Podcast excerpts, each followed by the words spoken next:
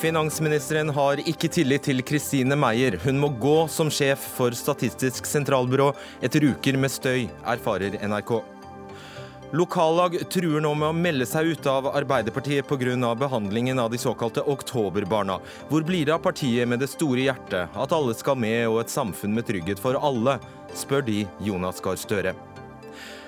Hvordan kan du endre verden om du ikke har sett den, spør SAS i ny reklame. Vel, utslippene fra flyturen din gjør at du forandrer verden hvert år de neste 100 årene, sier skribent. Stigeråsen skole i Skien skal framføre et julespill som inneholder to vers fra Koranen. Og hvorfor skal de det i et kristent julespill? Og et 1. mai-tog uten hammer, sigd og stjerner?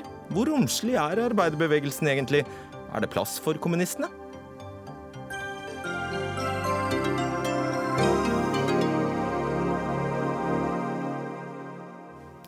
Da ønsker vi god kveld og velkommen til eh, Dagsnytt 18. Mitt navn er Fredrik Solvang.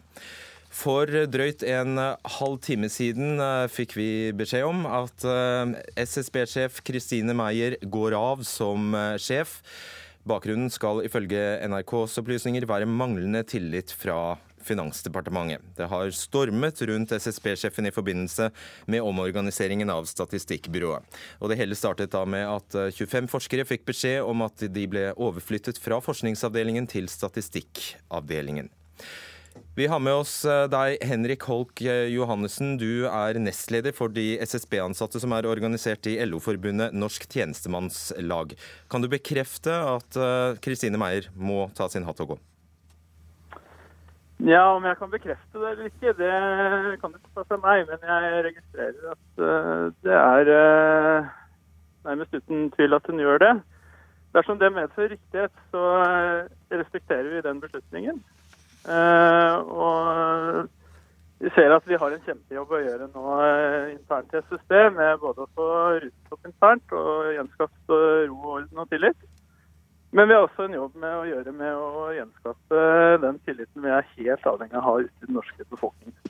Hva gjør at uh, du mener det er sannsynlig at hun faktisk kommer til å gå? Hvis det medfører riktighet at Finansdepartementet ikke har tillit til henne, uh, så vil det være en umulig oppgave å sitte som leder av SSB. Og det sier seg nærmest av seg selv at da da må man dessverre gå av. Har dere blitt informert om noe, noe slikt? Eh, vi skal ha et allmøte i morgen eh, klokken 11. Hvor eh, eh, vi har ikke fått vite hva innholdet i det allmøtet blir. Men eh, det er jo ikke utenkelig at dette blir eh, budskapet. Hvordan har Kristine Meier vært som sjef for SSB? Kristine Meier kom inn som en veldig annerledes sjef enn det som har vært uh, tradisjonelt i SSB. Hun uh, har på mange måter vært et veldig friskt pust uh, i organisasjonen, som har brakt mange nye tanker og ideer til en veldig tradisjonsbundet institusjon. samtidig så har nok mange ansatte følt at det har gått litt vel fort i svingene. Og det kan også være grunnen til at eh, hun nå må gå. Har hun hatt generell tillit blant de ansatte? Eh, det kan jeg ikke uttale meg om. Jeg, eh, det, det, har vi ikke gjort noen meningsmålinger på. Så det slik vi, som SSB så baserer vi oss på, på fakta. ja, det, det, er bra. hvis det medfører riktighet at Kristine Meier nå går, hvordan stiller Norsk tjenestemannslag seg til det? Er det riktig av henne? Eh, Norsk tjenestemannslag eh, mener at eh, det riktige nå er å, å hegne om institusjonen SSB, som er så viktig for trepartssamarbeidet. Og det er klart at eh, de kjennes posisjon som SSB truer den uavhengige stillingen som SSB er avhengig av, så er det riktig av henne å gå. Bare helt til eh, slutt, hva er din eh, vurdering hvis hun nå går? Er det antydningene om at eh, hun skal ha utøvd politikk i sin stilling, eller det faktum at omorganiseringen har gått for raskt eller feil fram, som da vil være hovedårsak etter din vurdering? Jeg tror nok at det sistnevnte er det som er tilfellet her. Innvandringssporet, det det tror jeg er eh, et fullstendig feilspor. Og det tror jeg de aller fleste i SSB også mener. Takk skal du ha, Henrik Holk Johannessen, nestleder for eh, de SSB-ansatte i eh, Statistisk i Norsk tjenestemannslag, LO-forbundet Norsk tjenestemannslag i SSB, altså. Magnus Sakvam, politisk kommentator i NRK. Hva mer enn dette vet, vet vi nå? Det vi vet er, som du innledet med, at eh, etter denne siste turbulente prosessen og møter fram og tilbake, så er konklusjonen hos finansministeren at eh, hun ikke har tillit til SSB-sjef Kristine Meyer. Eh, og det innebærer jo i praksis at Meyer ikke lenger kan etter hvert da fungere som SSB-sjef. Den rent formelle skal vi si, eh, avtalen dem imellom om hvordan denne fratredelsen skal skje, eh, er ikke 100% klar. Men i realiteten betyr jo det at eh, Meyer kommer til å gå av som sjef i løpet av liksom, i morgen eller veldig kort tid. Ja, for det var jo faktisk berammet et nytt møte mellom Jensen og Meyer i morgen den dag, og vi hører altså at det skal være et allmøte i SSB. Ja, så De avtalte møtene regner jeg med går som planlagt. Det var ikke meningen selvfølgelig at dette skulle bli kjent før møtet i morgen, men det eh, er det altså blitt. Eh, og der, eh, i det møtet i morgen så regner jeg med at det som gjenstår av skal vi si, avtaler og formaliteter, vil, vil være på plass. Og så så eh, vil det da eh, være et løp videre om hvordan SSB skal ledes på, på kort sikt videre, og hvordan hele den eh, prosessen som er, er, årsaken til striden, skal håndteres videre. Hva skal skje med den? Er du også av samme oppfatning som Henrik Holk Johansen, at dette innvandring, såkalte innvandringssporet er et sidespor eller et, ja, en distraksjon, og at den reelle årsaken er omorganiseringen der altså 25 forskere ble overflyttet? Ja, altså jeg, jeg, tror at uh, sammenhengen er at den uh, oppmerksomheten om innvandringstemaet og personen Erling Holmøy gjorde hele si, samfunnet oppmerksom på problematikken, og det ble søkelys på det. Og den intensiteten som vi har opplevd i debatten, startet jo da. Men eh, partene i arbeidslivet f.eks. var jo allerede i, i vinter i eh, henvendelser til, til eh, i brev til Finansdepartementet om at de var urolige over det som skjedde. Det som, det som er eh, skal vi si, eh, vanskelig å dømme om her og nå, Eh, er jo at det er en skal vi si, kamp om virkelighetsbeskrivelsen mellom da selvfølgelig Finansdepartementet og SSB om hva som er årsaken. Eh, kjernen i konflikten er om eh, de omorganiseringstiltakene som berører forskningsavdelingen, og som har vært mye framme, gikk lenger enn det Finansdepartementet har anbefalt, fordi de kan forskuttere dette statistikklovutvalget, som også har parallelle problemstillinger som dette på, på dagsordenen. Som altså er i sving, og skal, som fremdeles ikke har lagt fram sitt arbeid. Til det du mm. sier her, altså om hvorvidt Finansdepartementet har vært innforstått med ja, konsekvensene av og, og, og, omfanget av omorganiseringen, så sa jo forskningsdirektør Kjetil Telle her i Dagsnytt 18 25.10 at Finansdepartementet var fullt klar over nøyaktig hva som skjedde i byrået. Ja, og Det er det som, som gjør at eh, det, dette sett utenfra kan oppfattes som litt sånn svarteperspill. Hvem eh, har sagt hva her? Og eh, slik, eh, slik eh, Finansdepartementet har kommunisert ut i mediene, bl.a. i VG i kveld, og også til Eh, NRK i en reportasje i går, eh, så, så det, var budskapet fra Finansdepartementet at eh, SSB-sjef Meyer ikke tok hensyn til advarslene fra Finansdepartementet om ikke å gå for langt i omorganiseringen og forskuttere Statistikklovutvalget. Eh, den versjonen er ikke SSB, så vidt jeg forstår, enig i. Så her står striden om, om, om virkeligheten. To ord om hva dette Statistikklovutvalget skal gjøre for noe. Ja, det er et det er 30 år siden sist det, et tilsvarende utvalg eh, eh, etablerte den nåværende statistikkloven. og Det var derfor behov for en revisjon av det. og Det er den som bl.a. regulerer Statistisk sentralbyrås eh, virksomhet, i tillegg til styringsdokumenter fra Finansdepartementet osv. Temaet i Statistikklovutvalget er også området forskning. og Derfor er det jo touchy. sånn at og, men Kristine Meyer sitter jo oppå det hele, eh, også selv i Statistikklovutvalget. Så eh, dagene framover vil jo vise liksom hva som er realitetene om, den, om prosessen her, hva som har skjedd på bakrommet. Det blir spennende. Takk skal du ha, Magnus Takvam.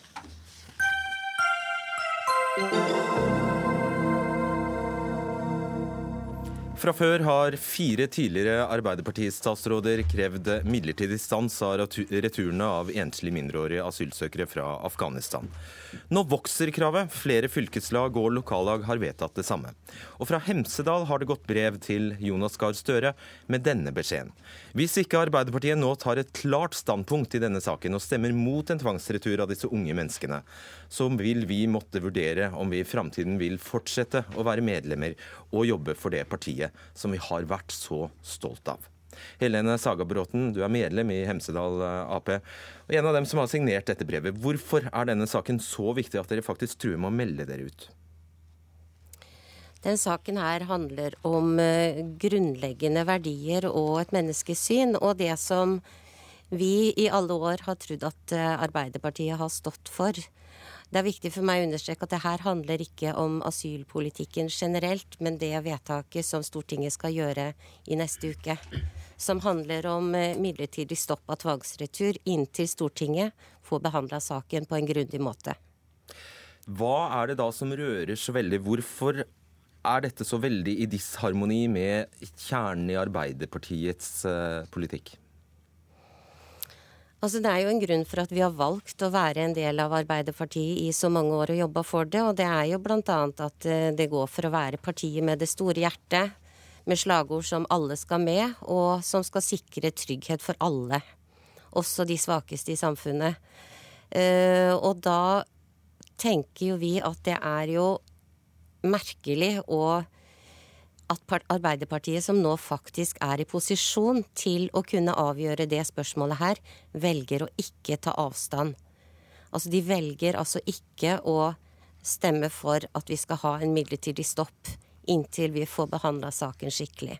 Og det til tross for at det er så mange uavhengige organisasjoner som er helt klar på at det er ikke sikkert å returnere tilbake til Afghanistan i dag. Vi har jo en Amnesty-rapport som forteller at det aldri tidligere har vært drept så mange sivile i Afghanistan. FN støtter jo også opp, opp under det. Så, så eh, jeg tenker det her er noe som vi bare ikke kan stå inne for lenger. Vi, vi kan ikke være en del av et parti som, som viser de holdningene som vårt parti viser nå. Kjersti Stenseng, partisekretær i Arbeiderpartiet, i dette brevet kaller de politikken Eller de sier faktisk det er skammelig at vi har et Arbeiderparti som i en så viktig sak ikke engang kan flagge hva det står for. Hva sier du? Jeg forstår egentlig veldig godt. Det er både det engasjementet og den frustrasjonen som er ute nå, er rundt uh, saken rundt uh, asyl, midlertidighet og enslige mindreårige. Uh, og du starter med å si her eh, med at alle skal med, og hva verdisynet vårt er. og Det er jo nettopp det som ligger i verdigrunnlaget til Arbeiderpartiet. Det å ha like muligheter for alle. Det å stille opp for folk, men òg stille krav til folk. Og i asylpolitikken så er det jo slik at alle kan ikke bli, og da må vi ha et mest mulig rettferdig system. Der de som har krav på beskyttelse, får opphold, blir gitt muligheter og, og får en god integrering i det norske samfunnet. Så er det også slik at uh, vi må ha en del retningslinjer for hva skjer når du skal få avslag på søknaden din. Da skal folk returneres. Og det er alltid vanskelig. Det er alltid krevende når folk har fått avslag og skal returneres. Spesielt krevende er det med de unge voksne, som 18-åringene er, som har vært her på midlertidighet, eh, fått venner, lært seg norsk og blitt en del av et lokalsamfunn. Men det er altså slik at eh, den eh, asyl- og flyktningpolitikken Arbeiderpartiet står for nå, og sjøl å ha sti for i regjering, er å ha en mest mulig rettferdig politikk. Hva sier du til dette, Saga Brøtten? Alle skal med, men ikke disse 355. Nei, og jeg er jo enig med Kjersti Stenseng i mye av det hun sier, men det er mer den generelle asylpolitikken som, som, hun snakker om da. Det er ikke det vi snakker om nå. Vi snakker om det vedtaket som skal gjøres på Stortinget neste uke for å stanse den tvangsreturen midlertidig inntil man får gjort en grundig vurdering.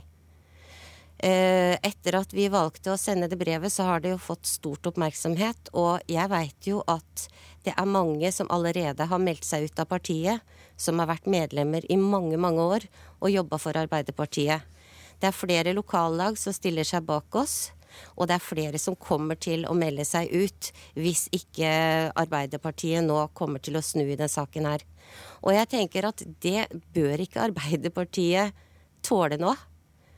Eh, jeg oppfordrer sterkt til at man, man, tar en ny vurdering i den saken her. Det handler ikke om asylpolitikk generelt, det handler om det vedtaket som gjelder de som sitter nå på Trandum og venter. Og dette er bare for å gjenta det. Tallet er 355 som er i ferd med å bli 18 år og dermed skal rett ut. Det er viktig å si hva eh, Arbeiderpartiet sa nei til i går i eh, gruppebehandlinga i Stortinget, og sa nei til det forslaget fra SV som ligger på bordet om å stoppe all retur midlertidig til Afghanistan. Av alle afghanere, ikke sant. Ja, ikke sant? Men da har dere full anledning til å foreslå noe annet, f.eks. en det, midlertidig stans av retur av bare disse. Det gjelder gamle, det gjelder unge, eh, dem som nettopp har blitt 18 år, og det gjelder både frivillig og assistert tvangs- og tvangsretur. Det er det forslaget OSA har sagt nei til. Det stemmer, men så sier jeg det dere har full ja, anledning til å kaste inn et annet forslag. Eh, jeg er helt enig at det som er bekymringsfullt, er eh, den økende bruken av midlertidighet. Det at, og eh, ser at det er stadig flere mellom 16 og 18 år, altså enslige mindreårige. Uh, og det har vi sagt at Derfor så ønsker oss å legge forslag på bordet, bl.a. om å innføre sårbarhetskriterier som gir muligheten til en bedre individuell vurdering om nettverk, situasjon i det landet du skal returneres til, og situasjon for den enkelte. Og Det tror jeg òg vil føre til at flere får muligheten til å bli. Så jeg deler den bekymringa om at oss uh, har sett en økt bruk av midlertidighet nå under denne regjeringa her. Og Det var òg vårt landsmøte veldig tydelig på. og Det skal vi følge opp. Så det vi sa nei til i går, var SV sitt forslag, og så jobber oss nå òg på spreng for å se hvordan vi skal bidra til at midlertidigheten går ned. Og nå vet jeg Sagerbrøten, at dere faktisk ønsker at eh, det skal bli en midlertidig stans i returene av absolutt alle afghanere, ikke kun denne gruppa. Men da må jeg få spørre deg, hvor går egentlig, hvor, hvorfor er det rettferdig at bare du er under 18, så skal du nesten få en eh, blanko eh, Så skal du, så skal du få, nesten få en garanti for å bli i Norge. Er du 18 år og én dag, så er det rett ut. Det vil, være, det vil være konsekvensen av det dere står for. Uh, det er nok ikke helt sånn vi har ment det, for vi mener all retur, tvangsretur til Afghanistan nå, ut fra den situasjonen som er i Afghanistan. Vi så jo redegjørelsen fra Sylvi Listhaug fra Stortinget i går, eh, og ser jo at det som hun eh, fremmer som argumenter der, står i sterk kontrast til noe altså som flere andre uavhengige organisasjoner sier. Så dere vil at voksne som barn, alle fra Afghanistan, bare du er fra Afghanistan, så skal du få bli? Jeg vil ikke si at vi, de skal få bli, men de skal få ikke bli tvangsreturnert før tvang? Ikke før saken er blitt behandla. For det Kjersti Stenseng snakker om, er jo den generelle politikken. Og det skal vi være med på. Og, og, at der må det strammes inn. Og det skal være en streng og rettferdig asylpolitikk. Men la oss nå sette en midlertidig stopp inntil vi har behandla saken. Men det er det det handler om her. Men da, da, da, tilhører jo du feil parti, rett og slett. Det er andre partier som står for den politikken du går inn for der. Nei, jeg har alltid vært uh, brent for Arbeiderpartiet. Stensing, Sten, uh, Stenseng, du må også ta ansvaret for Det er det Arbeiderpartiet som har bidratt til at denne bunken med saker nå har blitt så høy som 355, fordi dere var med på å fjerne dette såkalte eh, eh, rimelighetskriteriet, som også skapte, kombinert med eh, muligheten for midlertidig opphold, har skapt disse skjebnene. Ja, det har, økt det har vært økende bruk av midlertidighet nå. og Det som var departementet sin vurdering, og også Sylvi Listhaug sin klare tilbakemelding, var jo at fjerning av rimelighetsvilkåret ikke skulle føre ja, til økt midlertidighet. Og det har det gjort. Ja, men Det er lov å tenke ja, selv. Det er derfor oss nå har foreslått, og landsmøtet vårt var veldig opptatt av, at her ser oss konsekvensen av det. At det har ført til mer midlertidighet. Derfor så ønsker vi å innføre nye kriterier for asylpolitikken for å få ned midlertidigheten. Hvor mange syns du skal få bli av de 350? Altså, det er jeg opptatt av. Jeg synes Dette er et veldig vanskelig dilemma. fordi at det er sårbare eh, ungdommer som har blitt voksne per definisjon, og som skal returneres. Uh, og Eh, jeg tror det er ingen som er i tvil om at eh, de aller fleste har det bedre i Norge enn å returneres, enten det er til Afghanistan eller er til et annet land. Eh, det jeg er opptatt av, er at du skal ha en god individuell behandling, og, og nå utvikle ny politikk som er med og bidra til å få ned midlertidigheten. At det er vanskelig, kan alle skrive under på. Takk skal dere ha, Helene Sagerbråten og Kjersti Stenseng. Vi skal holde oss ved temaet. I går ble det altså klart at SV ikke fikk flertall for dette forslaget om å stanse all retur til Afghanistan. I morges kunne vi høre Senterpartiets innvandringspolitiske talsperson Heidi Greni forklare hvorfor de stemte slik. Det har veldig mye, mange konsekvenser som må vurderes nøye. Det får du ikke gjort når det kommer et hastevedtak som skal avgjøres uten en ordentlig komitébehandling. Det er òg utrolig krevende at det er Stortinget som nå skal begynne å slå fast hva som er trygge og utrygge områder.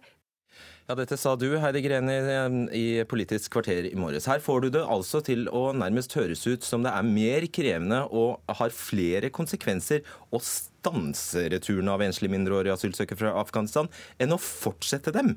Da har du jo snudd verden helt på hodet.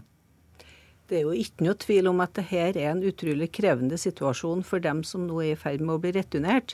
Det er vi alle sammen enige om. Men det vi òg er nødt til å ta hensyn til hvis vi skal ha en anstendig, men òg ansvarlig flyktningpolitikk, så er vi òg eh, nødt til å ta hensyn til de konsekvensene det her vil få for tilstrømminga til Norge på sikt. Og Hvilke konsekvenser er det, mener du? Eh, selvfølgelig, hvis Norge som eneste land i Europa signaliserer at vi skal ha en stans av all retur til Afghanistan, så vil tilstrømminga til Norge øke.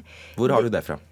Det viser jo all erfaring. Eh, hvor stor den økninga vil bli, om vi er i stand til å håndtere det, det vet vi ikke. Da har du håndfaste statistikker som viser det? Eh, alle land som har en eh, vesentlig mer liberal politikk enn nabolandene, vi har opplevd det frem til nå. Hvis ikke det skjer noe annet akkurat i denne saken, så vet vi at vi vil oppleve det. Og Det største innvendinga vår mot å behandle det her som en hastesak, det er jo at vi kan ikke snu opp ned på norsk asylpolitikk gjennom et hastevedtak i Stortinget som ikke er underlagt en grundig komitébehandling. Ja. Så det er, vårt hovedargument for at vi ikke kan stemme for det her vedtaket. Og så skal vi vurdere grundig det vedtaket som ligger til behandling nå i komiteen. Da tar vi det med at det er et hastevedtak, du. Eh, du sier altså at det har eh, store konsekvenser som må vurderes nøye, at dette ikke er noe som kan eh, vedtas gjennom et hastevedtak uten komitébehandling. Hvor lang tid tok det Stortinget å hastebehandle endringsforslagene i den nye utlendingsloven i november 2015? Husker du det? Det husker ikke jeg nøyaktig, men det var i hvert fall de, de, det asylforliket som ble inngått. Eh, det var jo etter en grundig debatt på Stortinget. Asylforliket kom vel seinere? Det var en var debatt som, for, som, foregikk helt opp på, på parlamentarisk mm. nivå. Eh, nå har vi en Skal jeg fortelle deg hvor lang tid det tok? Nå har vi en normalsituasjon i Norge når det gjelder tilstrømming. Ja, det er greit. Det hadde vi ikke på daværende tidspunkt, og det var en unntakstilstand. Jeg tester argumentet ditt. Det tok altså fra fredag til, unnskyld, fra mandag til fredag. Formelt tok det eh, eh Altså det skal 72 timer til minst. Fra fredag til mandag tok det altså. Og da skal du altså ha oss til å Og det var mulig den gangen. Så hvorfor er, det, hvorfor er det uansvarlig nå, mens det var ansvarlig den gangen? Som jeg har sagt mange ganger nå, og vedta en, en, så stor endring i norsk innvandringspolitikk gjennom et hastevedtak, altså et forslag som du skal ta stilling til over bordet, med de konsekvensene som det vil ha for, for norsk asylpolitikk fremover, det vil ikke Senterpartiet være Nei, med jeg deg, når det, var med ikke, på... det vil ikke Arbeiderpartiet være med på, og det vil ikke Venstre spør... være med på, slik Nei. jeg har forstått signalet. Og det er da jeg spør deg, når dere kunne være med på mye, mye større endringer i utlendingsloven enn dette Her er det snakk om en, en liten endring for 355 mindreårige. Når det kunne være med på mye større endringer hele, av hele utlendingsloven som hastevedtak uten komitébehandling i november 2015, hvorfor er ikke det samme mulig nå? Dette forslaget handler ikke om en liten endring for 355 mindreårige. Det handler om en endring som tilsier at det ikke skal være retur til Afghanistan. Verken av tidligere eh, EMA, som nå har fylt 18 år, altså unge, unge voksne. Ikke, eh, ikke av andre voksne fra Afghanistan, ikke av barnefamilier. Og det skal ikke være assistert, altså frivillig retur til Afghanistan. Så det her handler ikke bare om de 355. Du sa også i Politisk kvarter at det er krevende at Stortinget skal bestemme hva som er trygge og utrygge områder. Eh, hva var det du og Stortinget gjorde da dere vedtok at alle asylsøkere som kom over Storskog eh, fra Russland, uansett hvor de kom fra i verden, de skulle snus på grensa til Russland hvis de hadde visum i Russland. Hva var det dere gjorde da?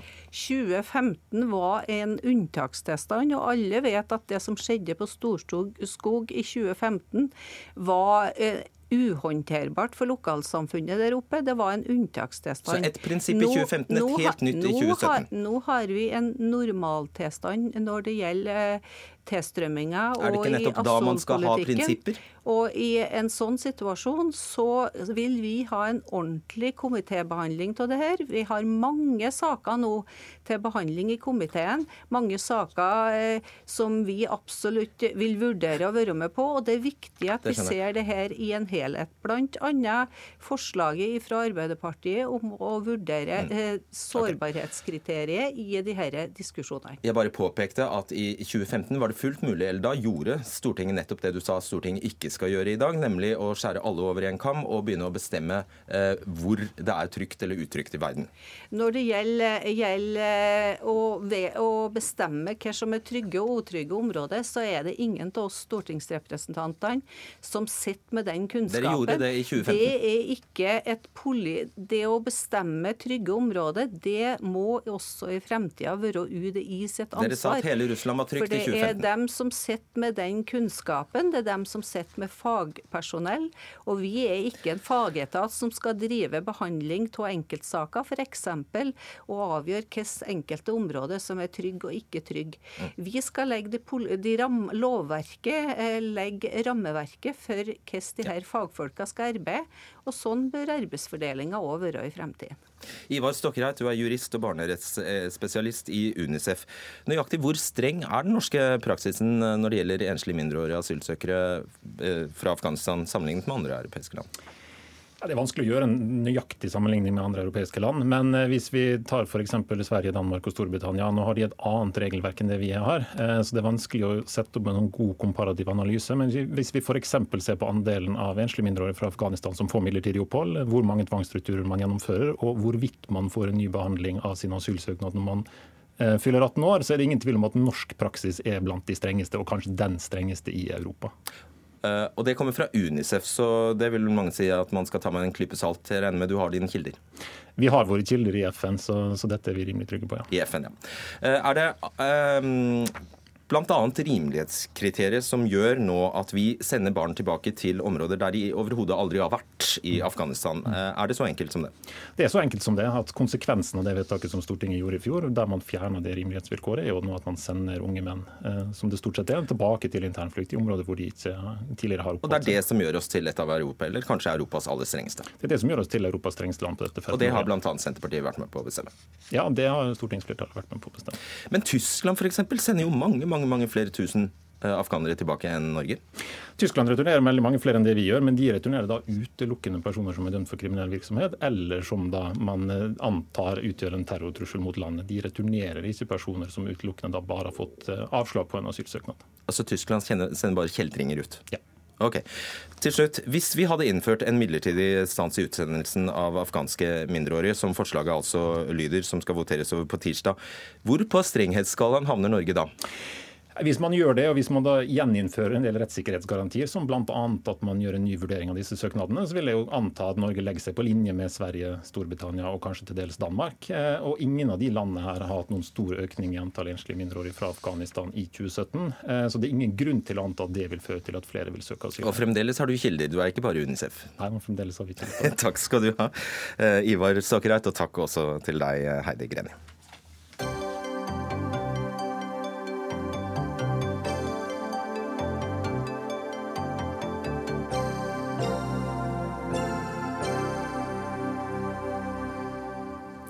How can you change the world if you haven't seen it? Eller hvordan kan du endre verden om du ikke har sett den? spør flyselskapet SAS i sin nye reklamekampanje. Og svaret er at du kan endre verden mye, mye mer enn du tror ved å fly mye SAS. For når utslippet ditt fra turen blir i atmosfæren i 100 år, kan du til og med forandre verden hvert år i 100 år etter at du tok denne flyturen. Det skriver du i Harvest, Kjetil Østli. Hva er det som irriterer deg sånn med denne reklamen? Altså, jeg, er ikke så, jeg er ikke så veldig irritert eller provosert over reklamen. Altså, dette, nei, takk til deg. Skal... Man hører jo hver dag, skulle jeg til å si. Det er jo, men eh, man må jo igjen da minne om det enkle faktum at å fly er altså den verste handlingen vi som enkeltmennesker gjør mot miljø og natur. Og det virker som vi glemmer igjen og igjen. Og dessuten, hvis vi bare tar et lite regnestykket. Eh, en langtur med en mellomblanding kan altså svi av 3-3,5 tonn med CO2-ekvivalenter. Mm. Like mye som verdensborgeren bruker i snitt på ett år. Det kan vi altså bruke på én langtur. Altså snittet av de 7 milliardene som bor her? Ja. Mm. Eh, og hvem er det som står for eh, denne flyvningen? Det er som regel de rikeste i verden. Altså I 2014, ifølge boka 'Beyond Flying', så er det da 5 av verdens befolkning som flyr eller har flydd. Det tallet øker nok med velstandsøkningen i flere land. Men vi står altså for en ganske stor andel av dette utslippet, som tilsvarer da topp ti hvis eh, fly var et land, luftfart så er vi på topp ti-lista av de verste utslipperne. Og da mener jeg at man kan, om ikke bli veldig provosert, men i hvert fall minne igjen på disse faktorene. Mm, og da spør jeg deg, Hva skal et flyselskap som lever av å få folk til å fly, gjøre hvis de ikke skal, opp, øh, hvis de ikke skal oppmuntre folk til å fly? Du kan kommunisere litt sannere, vil jeg jo si. Altså Jesus, Buddha, Nelson Mandela de fløy ikke mye SAS for å forandre verden. Kanskje noe, men ikke veldig mye. Så jeg bare vil da oppfordre til litt sannere kommunikasjon. altså å to change the world. Det, en disclaimer, på en måte, på hver annonse? Nei, men altså, når du går høyt på banen, eh, så må du forvente at noen, at noen svarer. Ja. ja. Knut Morten Johansen, informasjonssjef i SAS. Du har faktisk flydd fra Trondheim for å delta i denne debatten. Mm. Er du klar over hvor mye du har uh, hva slags avtrykk det ga? Nei, det har jeg ikke regna på, nei. nei. Er du opptatt av det? Ja, faktisk mm. er vi det. Og det som eh, illustreres her, er jo et stort alvor knytta til miljøproblematikken. Og vi erkjenner at eh, luftfarten står for vår andel når det gjelder utslipp. 2,5% når det gjelder Norge av det totale utslippet. Det er kanskje litt mindre enn det kanskje folk oppfatter, og, og de beskrivelsene som gis her. Men vi tar det fortsatt eh, på fullt alvor, eh, virkelig. Og vi tror faktisk at eh, luftfarten selv, også med litt myndighetenes hjelp, skal stå for løsninga her når det gjelder nettopp denne miljøproblematikken. Ja, og Da vet jeg at du skal snakke om, vil snakke om biodrivstoff, men jeg kniper deg før du kommer så langt. for må man, altså denne, Budskapet i denne reklamen er altså at man må dra dit for å forandre verden. Nei. Altså Man må dra rundt i verden for å forandre den. Det er jo ikke sant. Nei, du kan sitte hjem, men da er du avhengig av at noen andre har reist uh, før deg og kommet hjem med erfaring og kompetanse som man deler. Uh, du kan i hvert fall ikke sitte hjemme. Alle kan ikke sitte hjemme og forandre verden. Noen er nødt til å reise. Og du nevner jo noen fantastiske mennesker som faktisk har reist mye med fly, nettopp og erfart ting. Og jeg tror faktisk vi kan gå tilbake til FNs miljørapport med Gro Harlem Brundtland, som også konkludert med at du kunne ikke ha en miljørapport og se miljøproblematikken isolert uten å ta med fattigdomsproblematikken. Og Der eh, spiller faktisk kommunikasjon, flyet, en helt sentral rolle. Og flyets misjon er egentlig å binde kontinenter, land, mennesker og kulturer sammen. Og jeg tror faktisk vakkert, at der, ja. ja, ja. der skal vi på en måte være. Og flyet ja. blir bærekraftig i løpet av få år. Oh, yes. Ja, det kan jeg bare skyte inn. Altså, jeg, det, dette er veldig vakkert, Ja. eh, veldig vakkert sagt. Når jeg leser disse kampanjene, så tenker ikke jeg at den er retta mot at vi skal dra til New York for å forandre verden, eh, men for å kose oss. Og det er jo veldig hyggelig, det. Men eh, jeg tror heller ikke at borgerne som tar bussen og ser disse kampanjene på TV, eller hvor de ser det, tenker at nå skal jeg dra til LA for å forandre verden, eller til Thailands strender for å forandre verden, eller Gran Canaria. Men det er nå en Ja, det, altså det er Det er noe så- enig og Den kampan siste kampanjen handler jo ikke om det. da. Vi snakker om ett menneske som skal få lov til å realisere et mål, en drøm. Eh, og Det handler ofte om utdannelse osv. Er flere som har lyst til å dra til Silicon Valley og få gjort et prosjekt. Det er veldig mye holdbarhet og grønn energi knytta til disse tingene som man har lyst til å, å fordype seg i. Og vi har mentorer som skal støtte. Vi snakker om ett menneske her. Et viktig anliggende hos deg, Østli, er at eh, det er jo ikke gjennomsnittsborgeren i verden som eh, får nyte godt av denne eh, selvrealiseringen. Da I 2014 så var det bare kun 5% av de av oss som bodde på kloden, som faktisk hadde flydd i det, i det store og hele. Hvor viktig er dette perspektivet for deg, egentlig? Jeg syns det, det er ganske viktig å begynne å gjøre litt sånn regnskap på hvor stor andel en liten elite av verden faktisk står for. Og nå må vi huske at Norges middelklasse Altså Norge er et lite land, men vår eh, middelklasse er såpass rik i internasjonal målestokk at vi faktisk da kan eh, anses å være en elite i verden. Eh, og det er altså da denne eliten som i så fall kan change the world. og Innenfor disse igjen, denne eliten, så har du den øverste delen av Pareto-kurven på en måte, som står for veldig mye igjen. Så om noen drar til bestemor i Lofoten Så jeg reagerer jo ikke på, på sånn. Jeg drar jo øh, selv til bestemor i Lofoten. Selv om jeg prøver å ta fly så langt Nei, tog så langt jeg kan. Hun ser ikke så veldig mye til deg, altså. Det er langt med, med, Ja, med det går ikke tog dit heller. Men altså, vi, er nødt altså, vi, vi, vi, flyr jo ikke rundt bare på moro. Og dem som sitter om bord i flyet, de eh, har ganske alvorlig, mange av dem, formål med sin reise.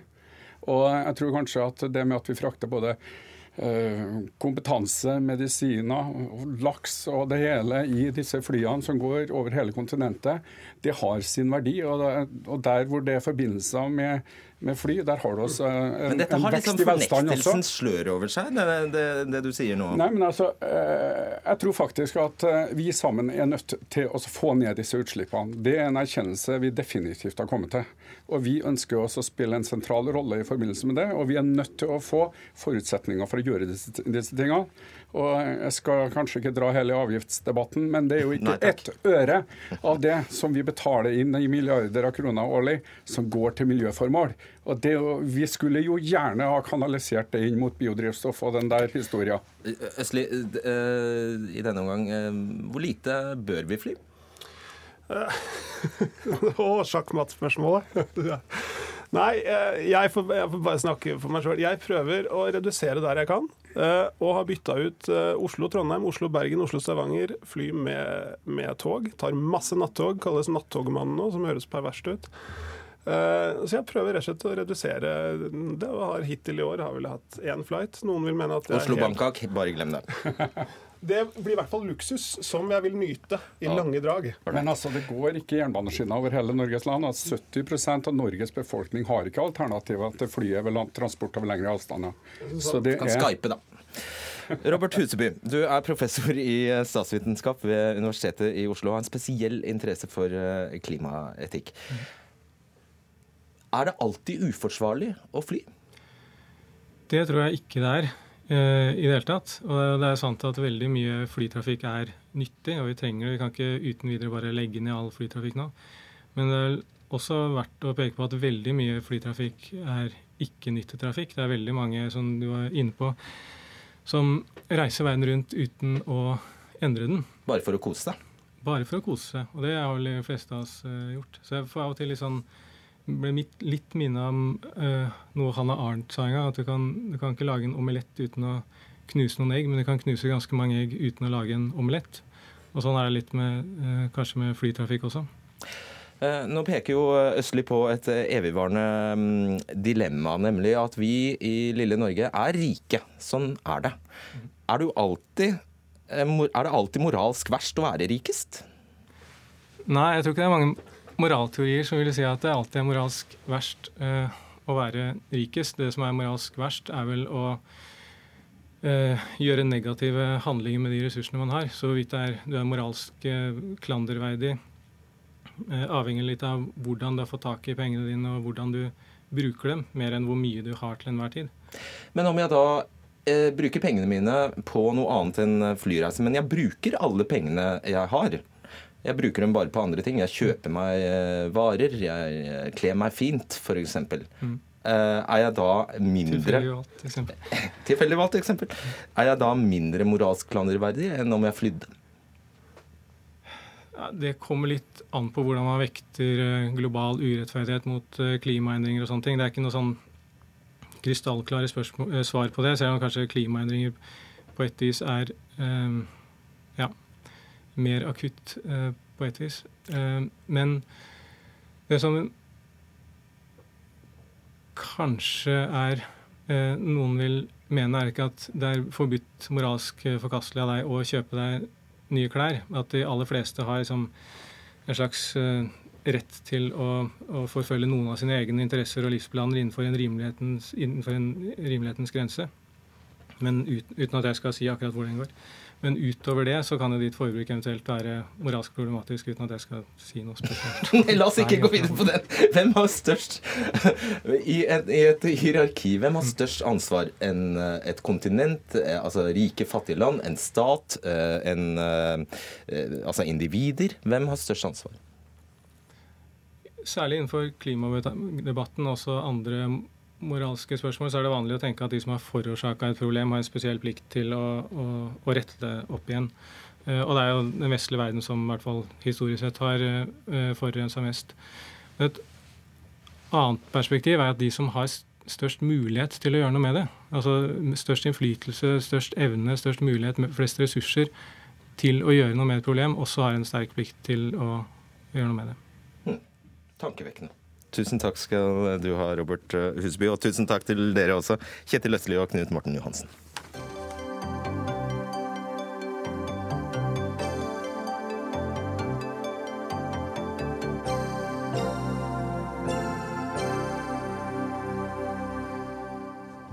En sjetteklasse ved en skole i Skien planlegger en juleforestilling som har fått mye oppmerksomhet. Det skal nemlig framføres to tekster fra Koranen ved siden av den klassiske kristne julefortellingen. To engler skal stå på scenen og framføre tekster fra muslimenes hellige bok. Og reaksjonene lot ikke vente på seg. Sist døgn var dette en av de mest delte sakene på nett. Vebjørn Selbekk, sjefredaktør i avisen Dagen, du skriver på lederplass i dag at ja, det er dette som er snikislamisering. Ja, Det er i hvert fall et, eh, et eksempel på det. Jeg mener jo ikke at dette er verdens eh, største sak, akkurat, men vi har jo nettopp bak oss en valgkamp der mange har vært opptatt eh, av eh, det kristne kulturgrunnlaget, og der skolen har blitt eh, trukket fram som en veldig viktig arena for å formidle, formidle det. Og Jeg syns denne saken illustrerer litt av det problemet vi har. Jeg slutter ikke å forundre meg over hvor opptatt enkelte er av å svekke kulturgrunnlaget vårt, utvanne det. Og jeg har altså problemer med å forstå hva Koran og islam har å gjøre i et julespill i en norsk skole. Jeg mener det er naivt å tro at man skaper mellom, mellommenneskelig forståelse ved å blande religionene og ved å på en måte skamme seg litt over sin egen kultur. I stedet bør vi være stolt over vårt, våre egne verdier, våre egne tradisjoner og vårt egne kulturelle grunnlag. Og Er man trygg i sitt eget ståsted, så kan man også lettere forstå andres synspunkter. Så det skulle ikke mer til? Altså, det er dette som er snikislamisering? Det er så enkelt? Nei, ja, men det er ett eksempel på det. og Du ser det på andre områder i skolen òg, der, der, man eh, snakker om eh, kjønnsdelt undervisning i kroppsøving, svømmeundervisning okay. blir problematisert. Så det er en del av et større bilde, syns jeg. Det er summen. Gunnar Tellin, du er prost i Skien, og du er sjef for 22 prester i ditt område. Hva syns du egentlig om at eh, vers fra Koranen skal eh, være en del av et julespill på Stigeråsen? Uh, kan bare si raskt at Selbecks problemer ikke er våre problemer i Skien. De eksisterer nok muligens i hans kretser, men de eksisterer ikke hos oss. Så hos oss er dette selvsagt helt uproblematisk. Det som er problematisk, er jo Selbecks for det første hans ordbruk. Altså Hvis ikke Selbekk er klar over hvordan snikislamisering virker med et helt åpent og ryddig arrangement på en åpen skole som er flink på integrering og slike ting, så, så, så har jeg store problemer med Selbecks selvforståelse. Eh, det andre er at det han sier, fremmer jo åpenbart en form for fremmedfrykt som ligger i folket vårt. Og Selbekk er jo representant for én som er både hans sjef og min sjef, eh, hvor hans første disipler uttrykkelig sa at frykten er ikke kjærligheten, den fullkomne kjærlighet driver frykten ut. Så hvorfor i all verden spiller han opp på denne frykten? Det er for meg helt uforståelig. Nå kjenner jo jeg denne rektoren veldig godt. da. Eh, denne skolen har jobba dyktig med eh, den skolens kristne grunnlag gjennom mange år. De har skolegudstjeneste i Gulsvik kirke. Småskoletrinnet deres deltar på kirkelig barnehage barnehagens påskevandring hvert år osv. Så, videre. så de er dypt fundamentert og godt grunnfestet i, i, eh, i det som i våre utredninger kalles kristen sed og skikk. Okay, jeg skal legge til at eh, denne skolen i Skien har 40% minoritetsspråklige elever. Ja, dette var jo en grav som Salbe Vebjørn Stelbæk. Ja, du har, eh, du har altså, dårlig selvforståelse og nører opp under fremmedfrykt. Ja, ja, jeg hører det der. Eh, eh, vel, jeg skal kanskje ikke karakterisere prosen her, men jeg må få gjøre det litt nå, siden du fyrer av så, så, veldig her fra, nede fra eh, Telemark. Altså, jeg ser i et intervju med NRK i dag uh, Tellin, at du uh, sammenligner Koranen med Alf Prøysen. Du mener at dette er det å, le, å, lese fra Koranen i et kristent et julespill på en skole, det er det samme som å lese fra Alf Prøysen. Og det syns jeg er på min side grenseløst naivt. Jeg blir jo i tvil Tellin, om det hele tatt har lest Koranen. Altså, Vi kristne feirer jul fordi Guds sønn ble født. Og I den samme Koranen, som nå skal være en del av dette julespillet, så forbannes jo alle som tror at Gud har en sønn. Og i mange muslimske land, der denne Koranen har stor innflytelse, så forfølges jo kristne okay. fordi vi tror på Guds sønn. Så Koranen er ikke akkurat Prøysen til inn, det er ikke julekveldsvisa, dette her. Koranen har faktisk en vakrere julefortelling enn nesten Prøysen har, så det er ikke noe problem å bruke den inn i en skolesammenheng. Eh, det er dessuten mye i Bibelen som ikke Selbekk vil bruke i det hele tatt, så den diskusjonen kan vi ta en annen gang. Men fra mitt syn er det utrolig viktig at norsk skole markerer rett og slett religiøse høytider, både kristne og muslimske, fordi vi har, vi har sekulær humanisme som ønsker alt som smaker av religion, ut av norsk offentlighet. Så her gjør jo rektor faktisk og skolen en god jobb uh, for oss. Og det syns jeg er det viktigste i denne sammenhengen. Jeg er helt enig at vi skal markere religiøse uh, høytider. Det syns jeg er veldig bra. Men muslimene har sine egne religiøse høytider til inn som de kan feire. Og det har vi respekt for. Og, har, og, jeg har ingen interesse, det håper ikke du heller har, av å prøve å kristeliggjøre deres ritualer, deres markeringer. De skal få markere sin ramadan i fred, de skal få markere sin id i fred. Og jeg mener Det som nå skjer på denne Skien-skolen, det hadde vært det samme. Det hadde vært like problematisk hvis vi hadde eh, pukka på at vi skal lese fra Det nye testamentet under markeringa av ramadan. Slutt å blande religionene, og det bør du som en kirkens mann være den første til å slutte med, Telin. Dette skjer i norsk skole og ikke ved en gudstjeneste i Den norske kirke, Selbekk. Så Nei, dette er jo helt du, du er en prest, Du er en prost nå som, som står for dette her. Og jeg støtter denne rektoren selvfølgelig fullt ut i denne måten å integrere på. Eh, voksenundervisninga i Skien kan jeg fortelle deg. De har et kulturarrangement i det som er en av byens brand, nemlig Skien kirke, den med to tårna, eh, hvert år for sine elever, hvor de lærerkoret synger julesanger, og vi ellers har markerer den kristne julefeiringen på forskjellige måter. 20-25 nasjoner ønsker hverandre god jul eller godt nytt år, avhengig av tradisjon, og tenner lys for sine og for hverandre. Og på den måten så formidler vi både kunnskap og kultur til hverandre som venner. Og så er vi klare på at vi evangeliserer. Vi vil at de skal uh, vende om, men det gjør vi i andre sammenhenger. Her har vi ryddighet og tydelighet, og det er ikke noe problem. Er det så veldig ryddig når du arrangerer et julespill i den offentlige skolen da, egentlig? I undervisningstiden? Ja, jeg mener jo det. At det hører okay. absolutt en kristen høytid til. Det er det som vi er begeistra for, og det er det vi støtter. Eh, Så, ja. så der har du min fulle tilslutning. Selbekk, la meg, la meg sitere disse, for det er jo sikkert ikke alle som har fått med seg disse to versene fra Koranen. Jeg bare, det første lyder O Maria, Gud gir tre glade tiender eh, om et ord fra ham. Hans navn vil være Jesus, Marias sønn æret i denne verden og etterlivet, og dem som nærmes Gud. Ikke veldig eh, ikke veldig uspiselig, det der. Du, eh, Koranen, for den, de av oss som har lest den, og jeg har gjort det, så er det et gjentagende tema i den at den forbanner den som eh, sier at Gud har en sønn.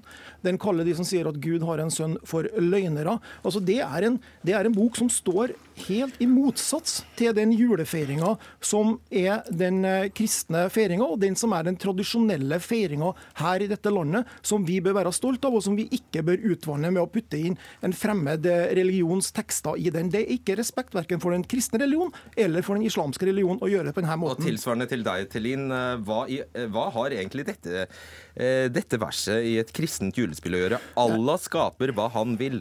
Hvis han forordner en ting, sier han bare til det. Vær, og det er. Hva har det i et kristent julespill å gjøre? Det, det, Koranen her tar jo her opp en, en, en bibelsk tradisjon om, om det kristne gudsbildet, hvordan Gud skaper ved, ved sitt ord. Så Koranen er jo skrevet mange, mange hundre år etter, etter de bibelske bøkene. ikke sant? Så, så det er heller, heller ikke noe problematisk. Det som er det fine og poenget her, er jo at, at også de muslimske elevene får en identitet inn i markering av en kristen høytid.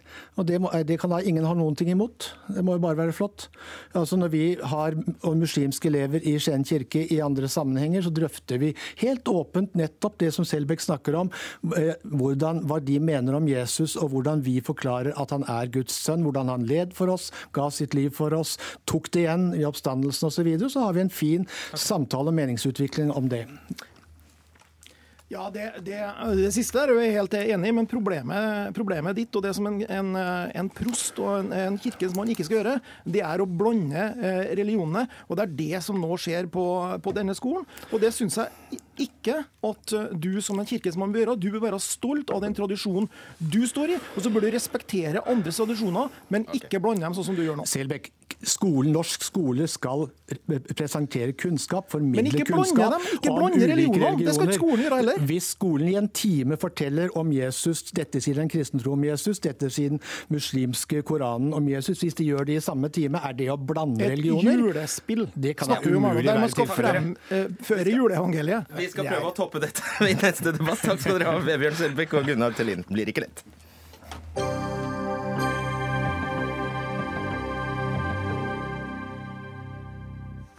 Og den byrden legges på eh, skuldrene til Fredrik Mellem og Runa Evensen. Hører Hammer, Sigd og Stjerne hjemme i 1. mai-toget? Har disse kommunistsymbolene noe å gjøre på arbeiderbevegelsens markering? Nei, sier du, leder i Oslo Arbeiderpartiets største lokallag, Mellem. Og det gjør du, gjør du faktisk over to sider i Dagsavisen eh, i går. Eh, Hvem er det du vil utstenge helt presist? Ja, Det er to symboler jeg har uh, tatt opp. og Det er det kjente symbolet bestående av hammer og sigd. Og så er det da den klassiske gullstjerna på rød bakgrunn. Dette er symboler som vi kan forbinde med tvangsarbeid og undertrykkelse av vanlige arbeidsfolk i Bare mange andre vil. land. Bare hvis du vil. Ja, selvfølgelig man kan forbinde hva som helst med hva som helst, men de aller fleste av oss forbinder disse symbolene med totalitære regimer og undertrykkelse. Og LO har i sin formålsparagraf at de skal bekjempe enhver form for ekstremisme som tar sikte på å endre vår demokratiske samfunnsform. NKP er et parti som ønsker å endre vår demokratiske samfunnsform. Jeg har lest deres prinsipprogram i dag. Ordet revolusjon er i løpet av en kort tekst brukt 91 ganger. Eh, Og de er uklare på spørsmål rundt om eh, dette med å ta makta med væpnede midler. Sånn at det er ikke noen tvil om at eh, det å feire liksom arbeiderbevegelsens høytidsdag med dem, er i strid med enhver fornuftig tolkning av LOs formålsparagraf. Og da vil tilfeldighetene ha det til at eh, emblemet i NKPs eh, logo er faktisk Hammer og Sigd Runa Evensen. Norges kommunistiske parti er altså den fulle tittelen. Ja, eh, kan du forstå noe av det Mellem sier? Eh, nei, ikke, selv. eh, ikke særlig mye. Eh, Hammer og Sigd, eh, det forbinder eh, NKP med bonde i Sigden og hammer i, for. Eh, dette er viktige symboler for oss, og det er vår historiske arv. Så vidt jeg vet, så bruker også eh, Arbeiderpartiet hammeren. Eh, denne gullstjernen er det vel andre enn oss som bruker, eller stjernen. Eh, men det er viktige, sentrale eh, verdier for oss, og det har en eh, historisk betydning også i Norge. Og det er helt gresk for deg at man kan assosiere disse to symbolene med totalitære regimer? Det er ikke gresk for meg, for det er jo en del av eh, historien. De som har skrevet historiebøkene og eh, kunnskapsbøkene i, i, Norge som har fremmet dette eh, antikommunisme, det har uh, funnet sted over lang tid, og det blomstrer opp i dag. Mm. Det stemmer, dette med, stemmer faktisk dette mellom Hammeren representerer industriarbeiderne, og Sigden representerer bøndene. Altså alt arbeiderne står for. og på, Hvis man ikke skulle kunne markere det på en dag som 1. mai, når da?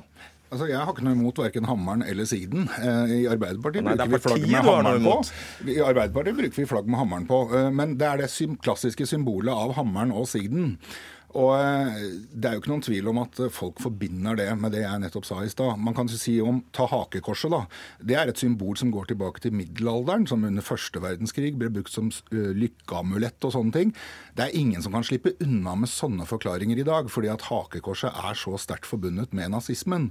Og hammer og sigd Sammenligner du det? det, det er, går det for det samme i din bok? Det er to helt forskjellige ting. Men jeg sier at de er like forbundet med totalitære regimer. Det nytter ikke å komme trekkende med at det, det, det også betyr søte og koselige andre ting.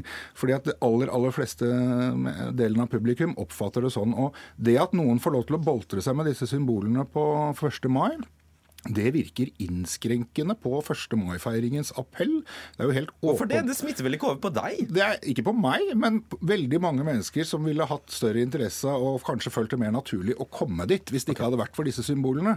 Så for å da trekkes en 30-40 ekstremisters behov for å vaie med disse flaggene, eh, så innskrenker man altså 1. mai-feiringens appell, og det syns jeg er veldig synd. Runa Evensen, skal det finnes andre partier under kommunismen? Eh, selvfølgelig. Vi går ikke inn for eh, å, å, forby noen ting. Det er det jo eh, Mellem som gjør med sitt forslag. Eh, vi er for en enhetslinje i arbeiderbevegelsen. Så det skal være flerpartisystem Og ikke en sånn oppsplitting som han her foreslår. Ja. Det er en nødvendighet at det er enhet i arbeiderbevegelsen, og spesielt i en tid nå når nazistene viser seg igjen. At vi står sammen og ikke splittes opp. Jeg ville bare teste dette, han, altså den påstanden han kommer med om at dere eh, er eh, ulne om eh, væpnet revolusjon, og at dere ikke ønsker et parlamentarisk demokrati. Ja, I et høyt utviklet samfunn som Norge så tror ikke vi at det kommer til å bli noen væpnet revolusjon. Vi ønsker en omveltning, det er det vi ligger i begrepet revolusjon, fra kapitalisme, som eksisterer i dag, til sosialisme, og det er vi stolte over. Denne revolusjonen, eh, det er jo flertallet i, i en sånn situasjon som vil gå med på. Og det vil si arbeiderne, hammeren, og bonden, bøndene, sigden. Og så vidt jeg vet, så er det fremdeles eh, flertallet også i Norge. OK. Uh?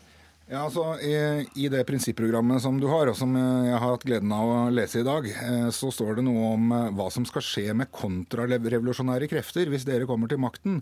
Jeg kan love deg at eh, hvis NKP mot all formodning noen gang skulle komme til makten, så vil både jeg og mitt parti være blant de kontrarevolusjonære kreftene fra dag én.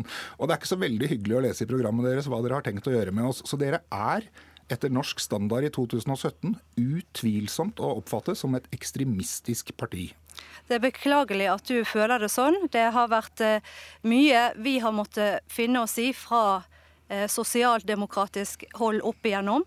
Der er heldigvis kommet beklagelse både fra konge og økonomisk oppreisning for ulovlig overvåkning av mange tusen kommunister fra den norske stat. Det er ingen som har tatt til orde for noe overvåkning her. Nei, det kom en påstand her helt på tampen, eh, Rune Evensen. Det kom en påstand her fra mellom om at eh, dere er en 40 eh, stykker som pleier å stille opp på 1. mai. Hvor, hvor, hvor stor oppslutning fikk dere ved valget? Vi fikk veldig liten oppslutning da vi har en okay. lov som ikke lar oss stille på lik linje med alle andre partier. Takk skal dere. Det var det vi rakk. Takk skal dere ha, Arnhild Myklebust, Finn Lie og Fredrik Solvang setter punktum for denne Dagsnytt 18-sendingen. God kveld.